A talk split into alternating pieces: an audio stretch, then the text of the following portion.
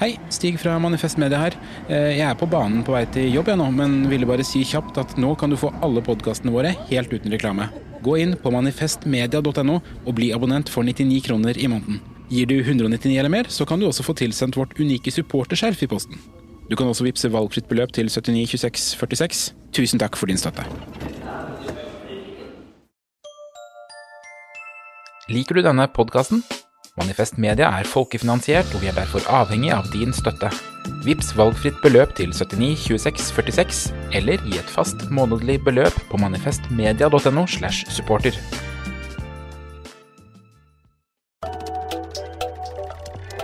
Økotrim med Linn Stalsberg og Kalle Mone. Det har vært et økonomisk krevende år for mange av oss, og det kan virke som om alt har blitt eh, dyrere. Enten det er liksom renteøkninga på lånet, eller at husleia har gått opp, og det er dyrere mat i butikken, og det er kjempedyr strøm, og midt i alt det her så kommer det andre overraskelser også. Eksempel så var jeg hos eh, tannlegen forrige uke og oppdaga at, at det har jo gått opp med mange hundrelapper eh, siden i fjor, og holdt på å dø litt da jeg oppdaga det. I fjor så kalte statsminister eh, Jonas Gahr Støre alt dette her som skjer med at ting blir dyrere i Norge og Europa, for dyrtid.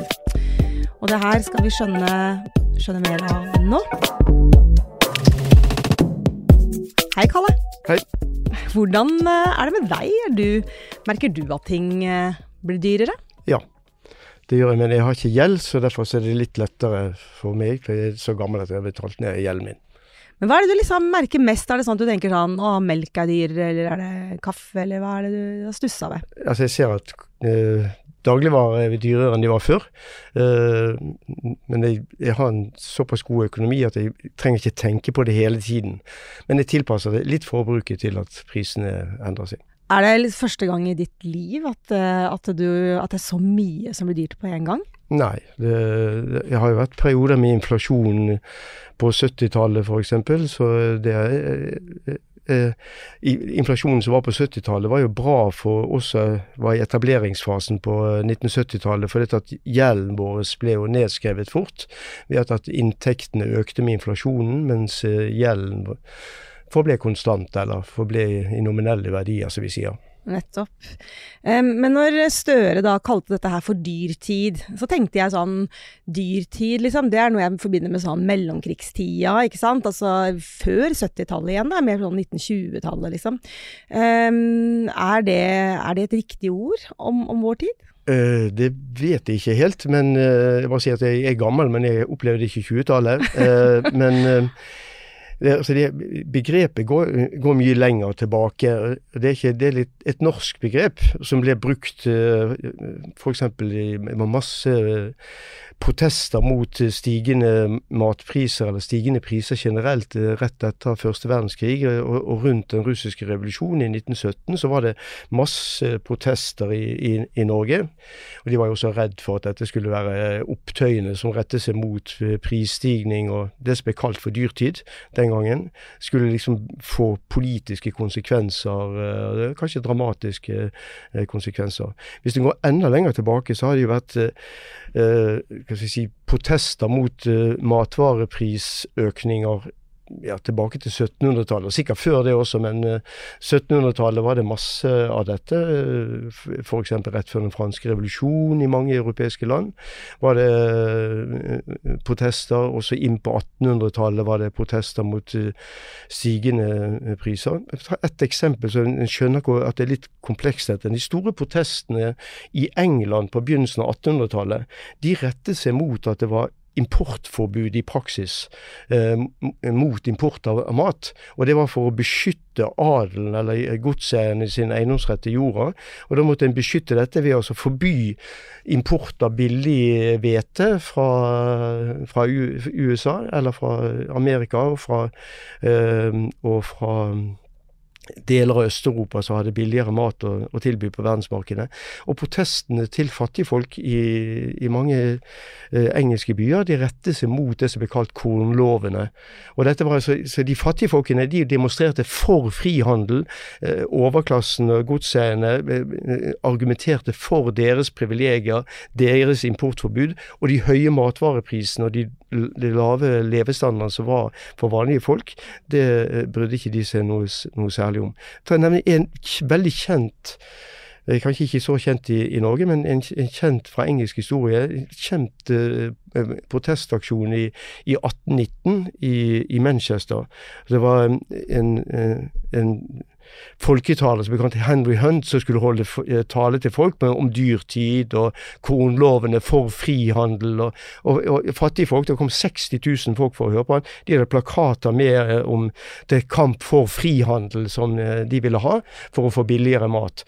Og, og dette ble så, så, folketett og så opphisset stemning der at myndighetene i Manchester grep inn og red inn med sverd og, og greier. Den, mest blodigste politiske aksjonen som har vært i Englands historie på 1800-tallet. Eh, 600-700 mennesker ble alvorlig skadet i, i opptøyene. Eh, omkring 20 stykker ble drept. Henry Hunt ble fengslet sjøl. Satt i fengslet i, i, to år. Så det var liksom, hva skal jeg si, eh, fattigfolks protest for frihandel. I dag er det veldig ofte omvendt, men det er en forbindelse her som har gått litt tapt på venstresiden. Men det her skjønner man jo, ikke sant. Fordi at eh, når, er, når ting blir dyrt, så blir folk opprørte, og du kjenner det kroppslig. Det er litt derfor vi snakker om det her òg. Fordi dette er det vi snakker med venner og familie om. Ting har blitt dyrere, og folk kjenner på det. Eh, men nå har vi jo eh, frihandel, sant. Nå er vi jo der som disse eh, for 200 år siden ønsket at, eh, at, man skulle importere billigere, så det fikk billigere mat eller andre ting å kjøpe. Nå er vi jo der. Så hvorfor, hvorfor har vi dyrtid eh, nå da, når liksom hele verdens eh, matkammer og andre forbruksvarer er tilgjengelig for oss? Ja, nå er jo ikke hele verdens matkammer åpent eh, for oss, og spesielt ikke i Norge. Verken i normale tider eller i eh, de spesielle tidene som vi har nå. Vi har jo stengt av en, en store deler av, pga. krigen i Ukraina, stengt av store deler av, av verdens matvarekammer fra eh, internasjonal handel. Eller ikke vi har gjort det, da, men mm. de som eh, krigen i seg sjøl har medført dette. Uh, uh, så uh, det, det, er jo ikke så ofte så er sånn eksplosive prisøkninger som vi har hatt i det siste, er ofte knyttet til krig eller ettervirkningen av krig. Vi, vi snakker liksom vel, vi er veldig opptatt av eh, vi er veldig opptatt av Europa og vår egen eh, situasjon i dyrtiden. Men den dyrtiden som virkelig rammer verden pga. krigen, den er jo andre steder enn her. Mm. Den er jo eh, den er i deler av Afrika, den er i utviklingsland. Og, og de blir rammet av de høye, bl.a. de høye energiprisene som vi tjener grovt på som land, land i Norge, eh, som de må betale. Dyrere kunstgjødsel må de betale, osv. Jeg syns det ja, av og til er noe som provoserer meg veldig. Men, jeg snakker om dyrtid og sånn. Det, det, det, stedet hvor, det virkelig, hvor krigen virkelig rammer for tiden, det er jo en annen krig og et annet sted. Det er Jemen. Det er liksom ikke, det er ikke dekket i nyhetene omtrent i det hele tatt. Forsøkene på fred i Jemen er ikke dekket. Eh, kanskje ti millioner mennesker er rammet av eh, alvorlig mm. underernæring. Eh, folk går ikke, eh, barna går ikke på skole osv. Det er en enorm dyrtid, hvis du skal bruke det begrepet eh, der. Men, men det er liksom akkurat det ikke teller.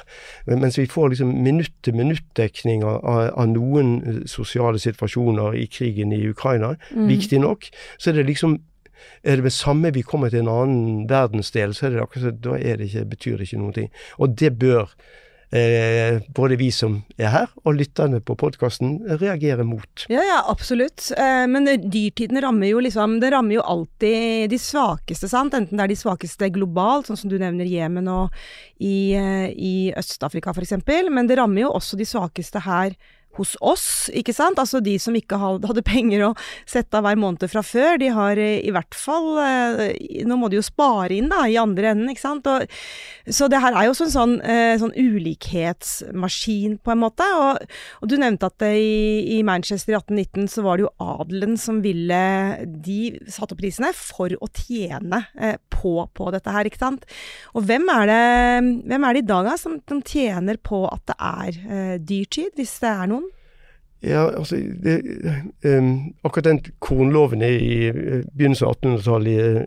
Det, det varte fra 1815 til 1846, så det er jo en lang periode med, med disse reguleringene i England. Det er liksom lett å spore både hvem som tjente, og hvem som satte i verk uh, reguleringene. De aller fleste økonomer på den tiden var veldig sterkt mot uh, de reguleringene.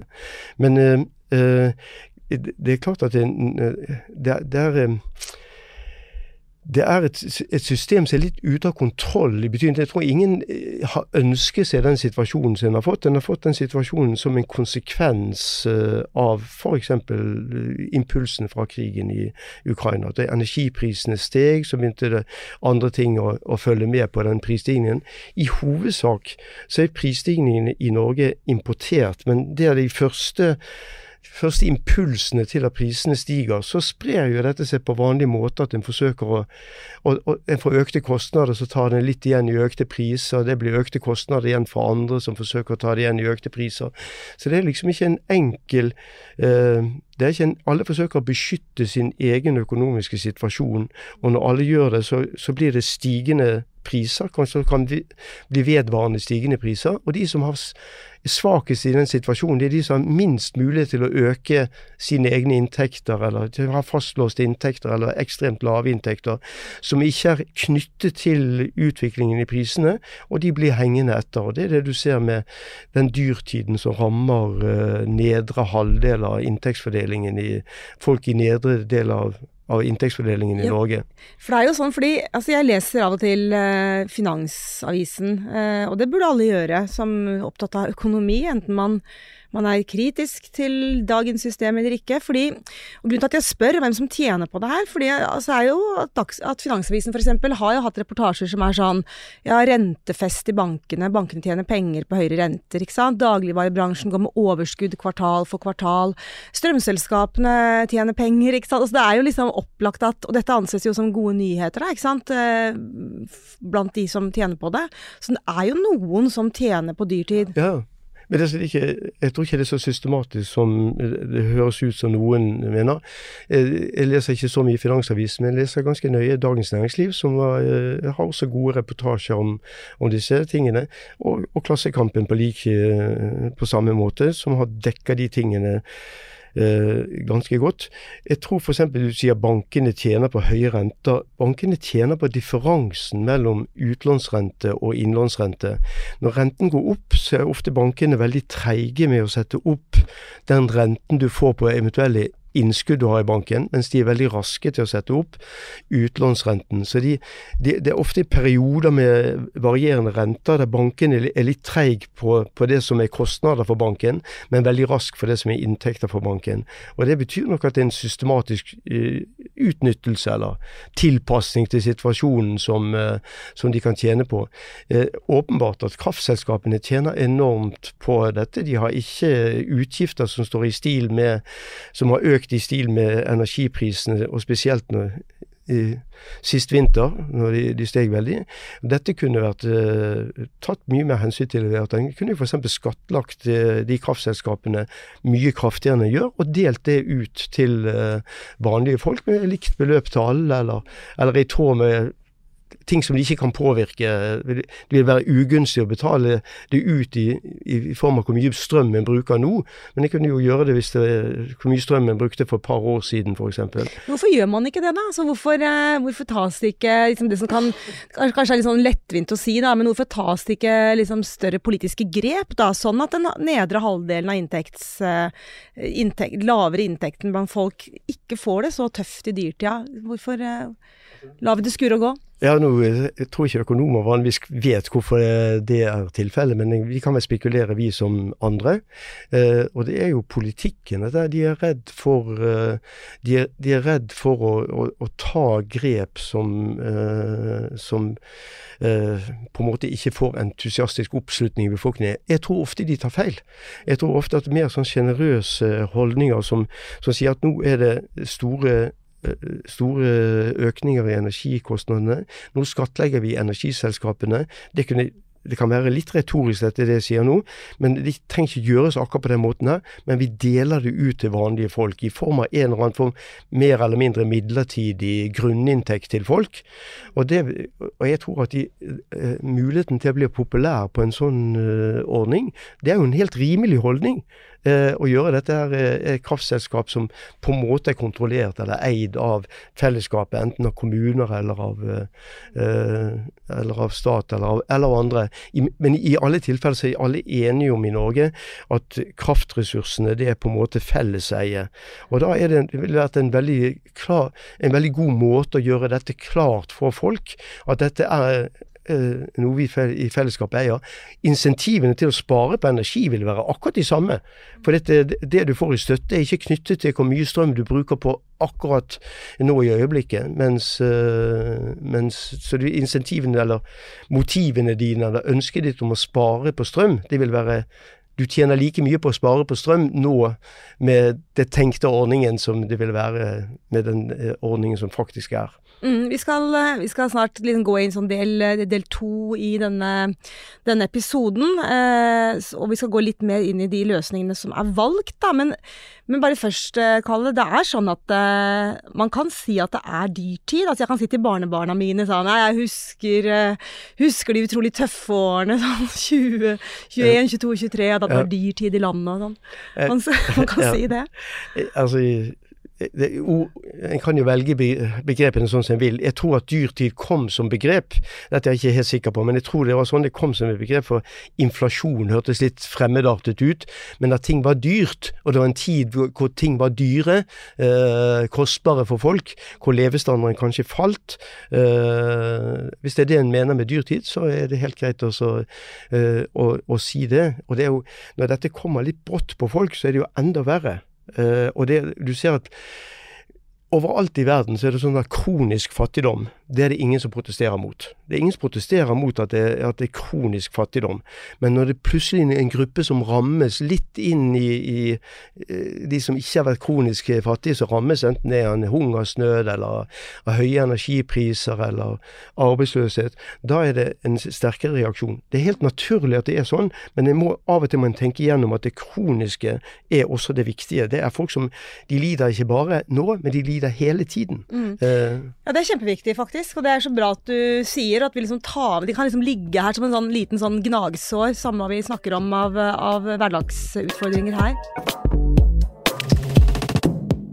I den aller første episoden så snakka vi litt om inflasjon. For det var jo, eh, eller er jo, noe vi, vi fremdeles er opptatt av. Og, og, det som har skjedd siden den episoden, er at for hver gang eh, renteøkningene kommer, så, så blir f.eks. LO da, eh, blir mer og mer eh, kritiske og mer og mer sinte på disse renteøkningene, bl.a. Ved, ved sjefsøkonomen eh, Roger Bjørnstad, som liksom sier nå rett ut at det er de svakeste som må ta byrdene for dette her, for, for den aggressive rentepolitikken, som han kaller det.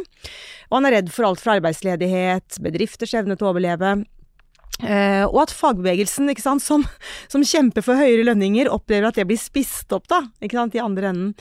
Um, og, og, da tenker jeg liksom Tenker du uh, fremdeles at at dette altså, Jeg vet ikke om du tenkte det før heller, men at det å øke renta, da, at det er det, det beste grepet tross alt? Eller er Bjørnstad inne på et eller annet, og LO inne på et eller annet? Jeg tror ikke det er enten-eller her. Altså, det, jeg tror ingen ville si at, at den eneste måten en skal forsøke å uh, ha en politikk mot det som du kaller for dyrtid eller inflasjon, uh, uh, at det er rentehevninger. Men dette er et mandat som Norges Bank har fått. At de skal skal sørge for De eneste virkemidlet Norges Bank har, eller i hvert fall det viktigste virkemidlet de har, det er rentejusteringer.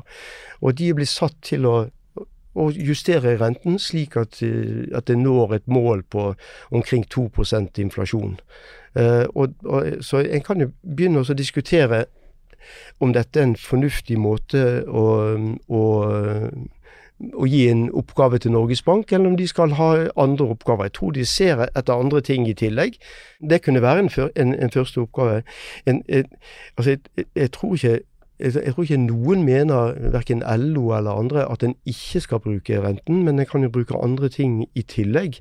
Som for eksempel Eh, hva da? for eksempel å, å ha regulere samlet etterspørsel. eh, Det, det som stimulerer prisene, er også samlet etterspørsel som eh, blir påvirket av uh, offentlige utgifter av forskjellige slag. Men husk det, det ja, ingen som setter dette i forbindelse med at vi nå skal ha en veldig kraftig opprustning. Det vil jo også drive priser uh, oppover.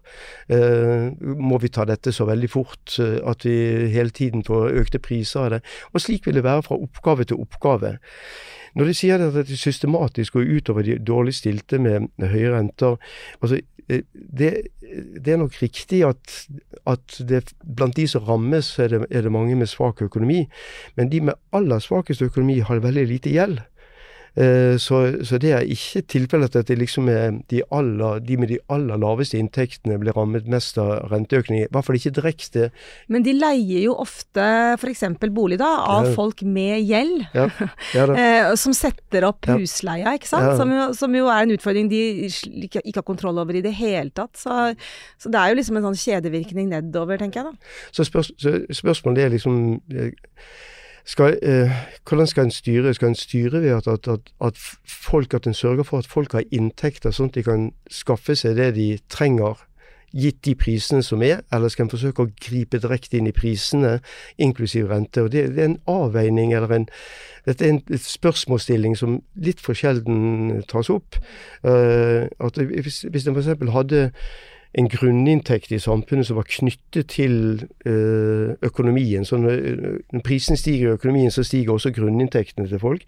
Så har en mer et system som gjør at ikke folk rammes så skjevt. Det er mye vanskeligere å få dette til på en tilsvarende måte eh, med å regulere prisene, og så la inntektene bli det de vil. Da, eh, da syns jeg det er mye mer riktig å gripe inn til kimen i problemet, at at de har lave inntekter.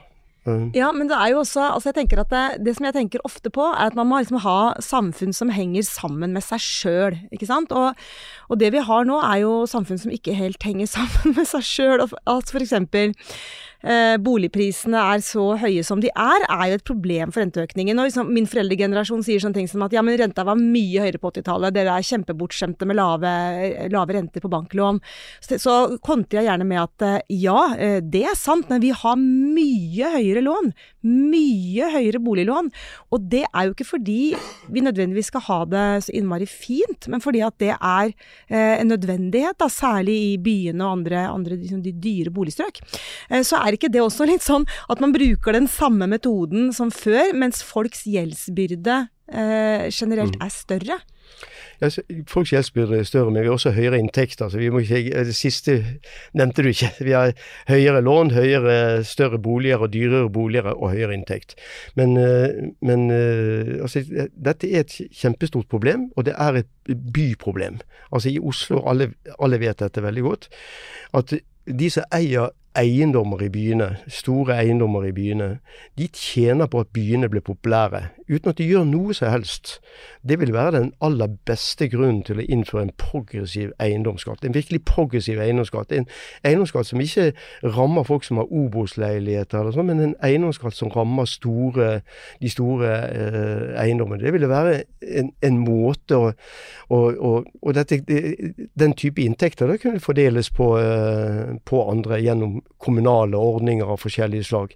Men det, det, det, det at byene blir populære, det, eh, og at eiendomsbesittere tjener masse penger på, på at byene blir populære, det blir ofte tatt som en, en selvfølge at akkurat som de eiendomsbesitterne som har gjort at eiendommene deres blir verdifulle.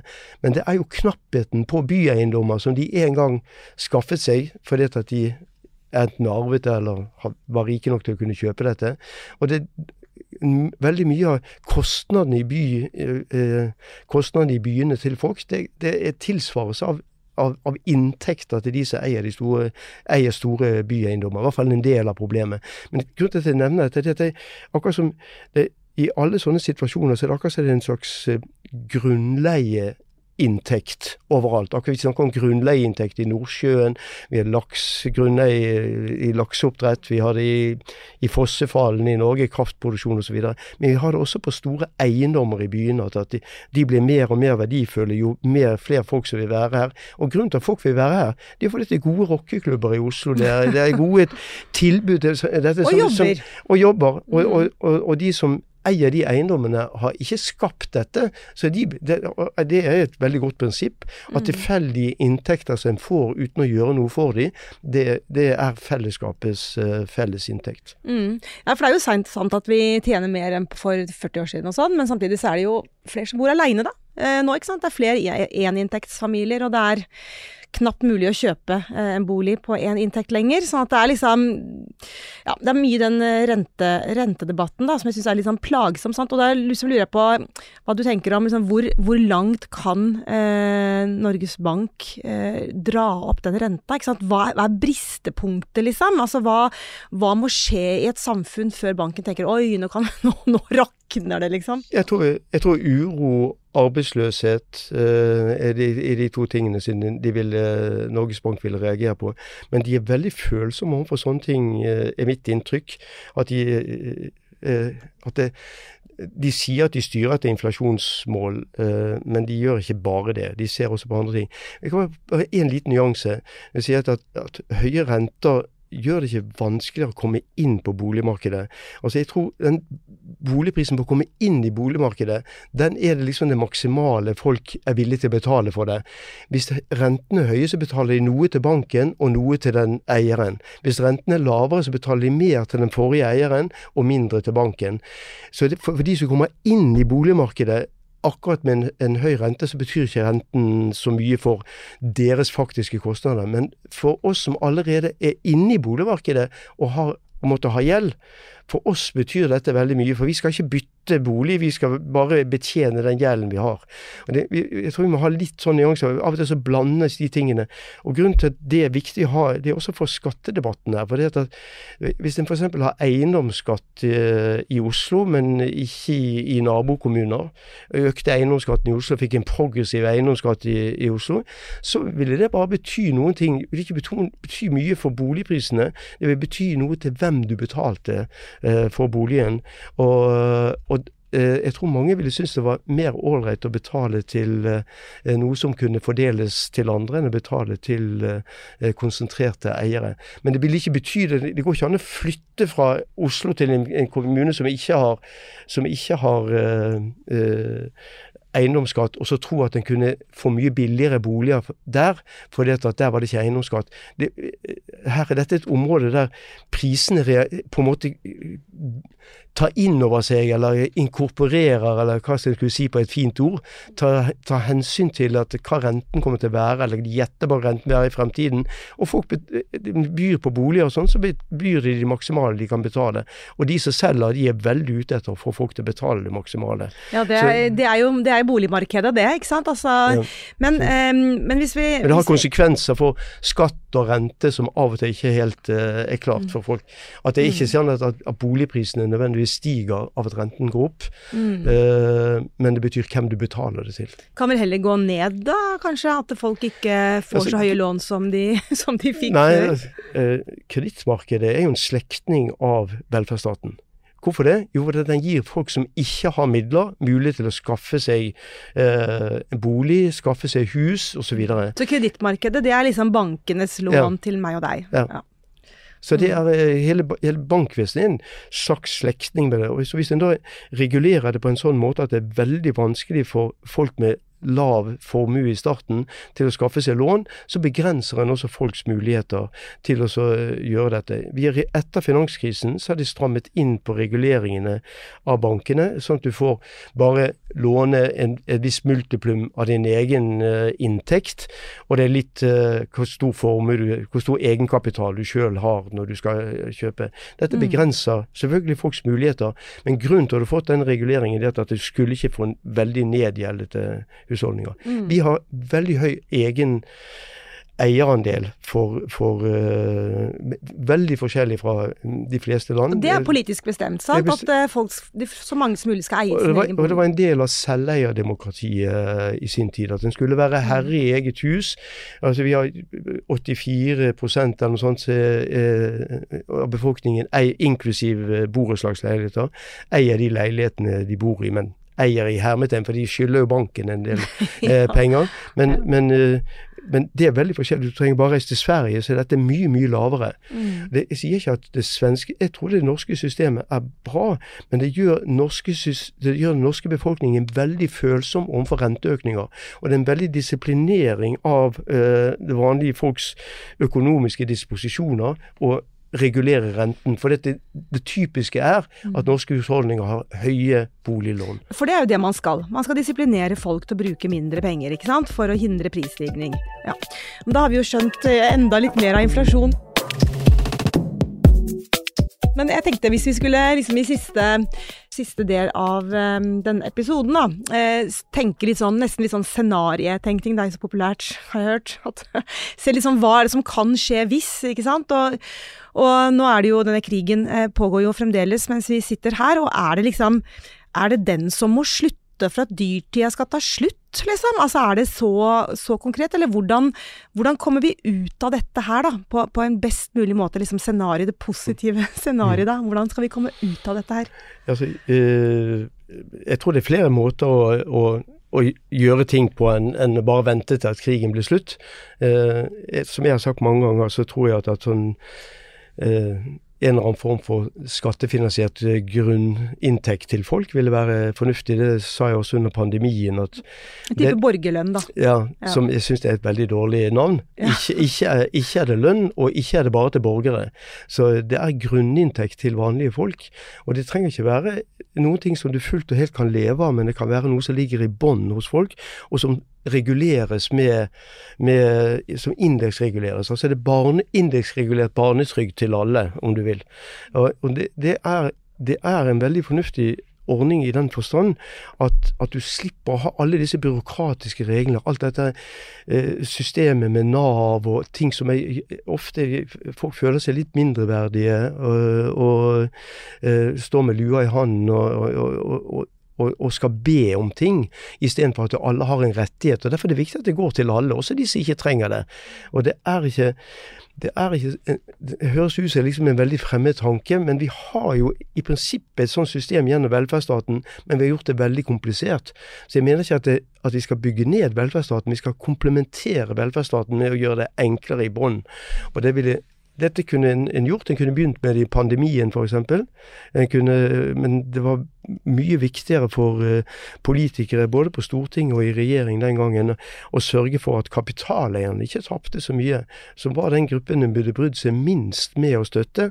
En kunne støtte bedriftene, men en trengte ikke gjøre det direkte til de nåværende kapitaleierne. Men ja, det var jo de som fikk grunninntekt? Ja, ja, de som fikk grunninntekt. Det var grunninntekt mm. til, eh, til eh, kapitaleierne. Men, men, jeg har en sånn følelse at uh, en grunninntekt, da, det er ikke det vi får uh, i morgen, liksom, for å løse dyrtida, selv om det er jo noe man kunne vurdere politisk så, i møte med ny eh, dyrtid eller andre utfordringer. Men hva, hva, tror du er liksom, hva, Hvilke redskaper kommer til da faktisk å bli brukt eh, ved siden av renteøkninger, eller i tillegg til? Jeg tror de å, jeg tror de kommer til å bruke Når energiprisen igjen går opp, så kommer de til å bruke et, en utvidet støtteordning på, på prisene sånn som er litt så komplisert. Eh, det tror jeg de kommer til å gjøre. Det tror jeg også de kommer til å forsøke å, å ta hensyn til de økonomiske politikken. Men du vil ikke se liksom ett en ny politikk som kommer til erstatning for dette. De forsøker å justere litt budsjettene og sånn. Dette er sånne, sånne diskusjoner som veldig mange folk eh, skrur ned på lyden på radioen når de hører, for de syns ikke det er interessant. Men jeg, jeg, tror at å ta litt mer radikale eh, standpunkter i, i, disse situasjonene, det hadde vært noe som sosialdemokratiet bredt definert ville tjent på. Sånn var det tidligere. At det var hele tiden en, en, krise var en mulighet til nye reformer. Mm. De krisene vi har hatt nå, det har vært et veldig forsvar for status quo. Ja, det er helt sant, men hva, hvorfor, hvorfor, er det sånn? Altså Er det fantasiløshet? Er det frykt? Er det, har vi blitt for satt og slappe i, i den politiske debatten? Eh, jeg vet ikke, men det er, det er, for lite diskusjon forut for krisene for hva en kan gjøre hvis en krise skulle opptre. Det er veldig vanskelig Ta pandemien, det er det enkleste. Det er veldig vanskelig Når pandemien først kom der, så er det veldig vanskelig å komme på helt originale ting som ikke er blitt uh, diskutert. Derfor er det viktig, tror jeg, både for økonomer, for politisk engasjerte folk, å diskutere mer av den verden som ikke fins. For det, den diskusjonen kan en lære av når det opptrer alvorlige situasjoner. At det, det, er jo en verden som ikke finnes i dag, som, uh, som vi kan uh, på en måte ha lært litt om når, når krisen kommer.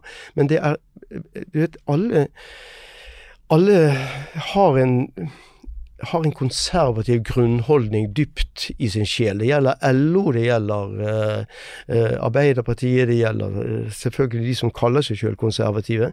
Men at de er veldig redd for å, å, å prøve ut nye ting. Og det kan jeg på en måte forstå.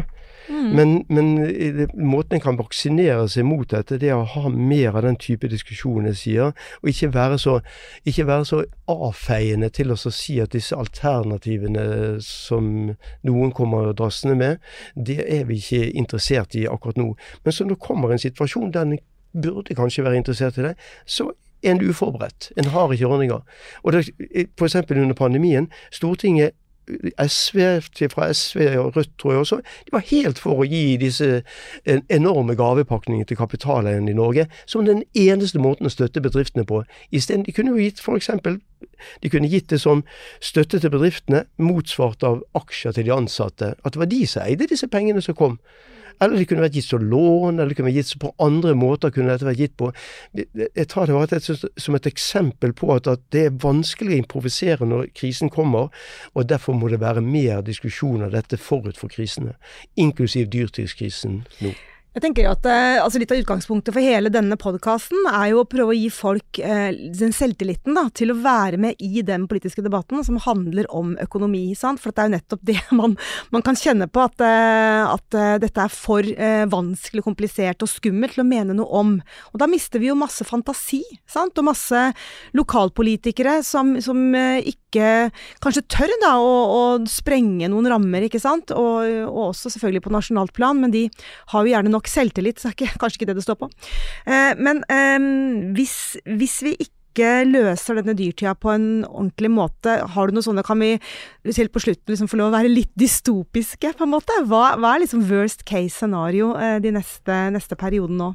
Jeg, jeg tror den det som kan være krise, er at en får oppslutning om autoritære alternativer, som det skjer i mange i mange deler av verden. Eh, det som er, Mange tror at, at kriser er på en måte sosiale reformers mor, men de store krisene har jo vært F.eks. på 1930-tallet. Det var jo fascismens store mor. Autoritære løsninger. For, eh, ikke bare i eh, ikke bare Italia var jo tidligere, da, ikke bare i Tyskland, Portugal, Spania.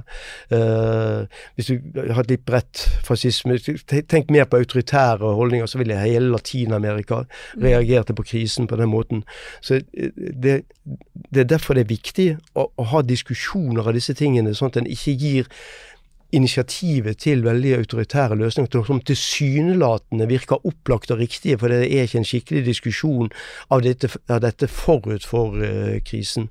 Du sa at det er viktig å, å gi folk selvtillit til at uh, de kan komme med forslag. Det tror jeg er veldig viktig. Det er uh, et kjempeviktig poeng. Samtidig må vi vite at alle løsninger er ikke like gode. Så det må være en diskusjon, og jeg må tåle eh, Vi alle må tåle å bli eh, ha, si at det, det, forslaget der, det er rett og slett ikke bra. Men det er det vi mangler. Vi mangler den type økonomisk diskusjon. For det med en gang så hopper en på hvor komplisert det er. Så ta litt vekk de kompliserte tingene. Ha en litt friere diskusjon om de alternativene som tross alt fins. Da er en forberedt når, når krisene kommer, ikke sånn som nå at en hver gang blir tatt på sengen. De tre tingene som, som jeg husker liksom best fra denne samtalen med Kalle, unntatt dette med verden som ikke finnes, det er for det første, eh, det er eh, faktisk dyrtid. Det er en grunn til at mange av oss har dårligere råd i år enn vi hadde i fjor og året før. Eh, og én årsak til dette er krigen i Ukraina, som påvirker handel og import og alt mulig annet rart. Eh, som til slutt ender som et problem i lommeboka vår. Det andre jeg tar med meg fra denne episoden, er at det vi har pleid å kalle for borgerlønn, det kan vi heller kalle grunninntekt.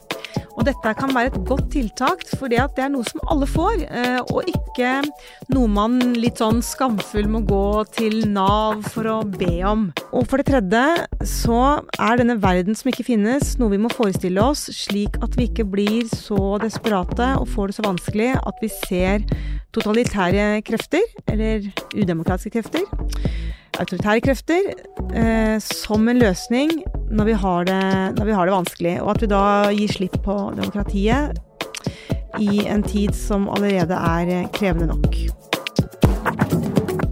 En av grunnene til at uh, tida på alle måter er krevende nok, er at vi står ikke bare i dyrtid, men også i en klimatid. Um, og forholdet, eller eh, sammenhengen, mellom klima og kapitalisme, det skal vi snakke om i neste episode. For er det sånn at vi må kaste hele kapitalismen av båten for å redde båten, så å si, eller den jordkloden som vi alle lever på?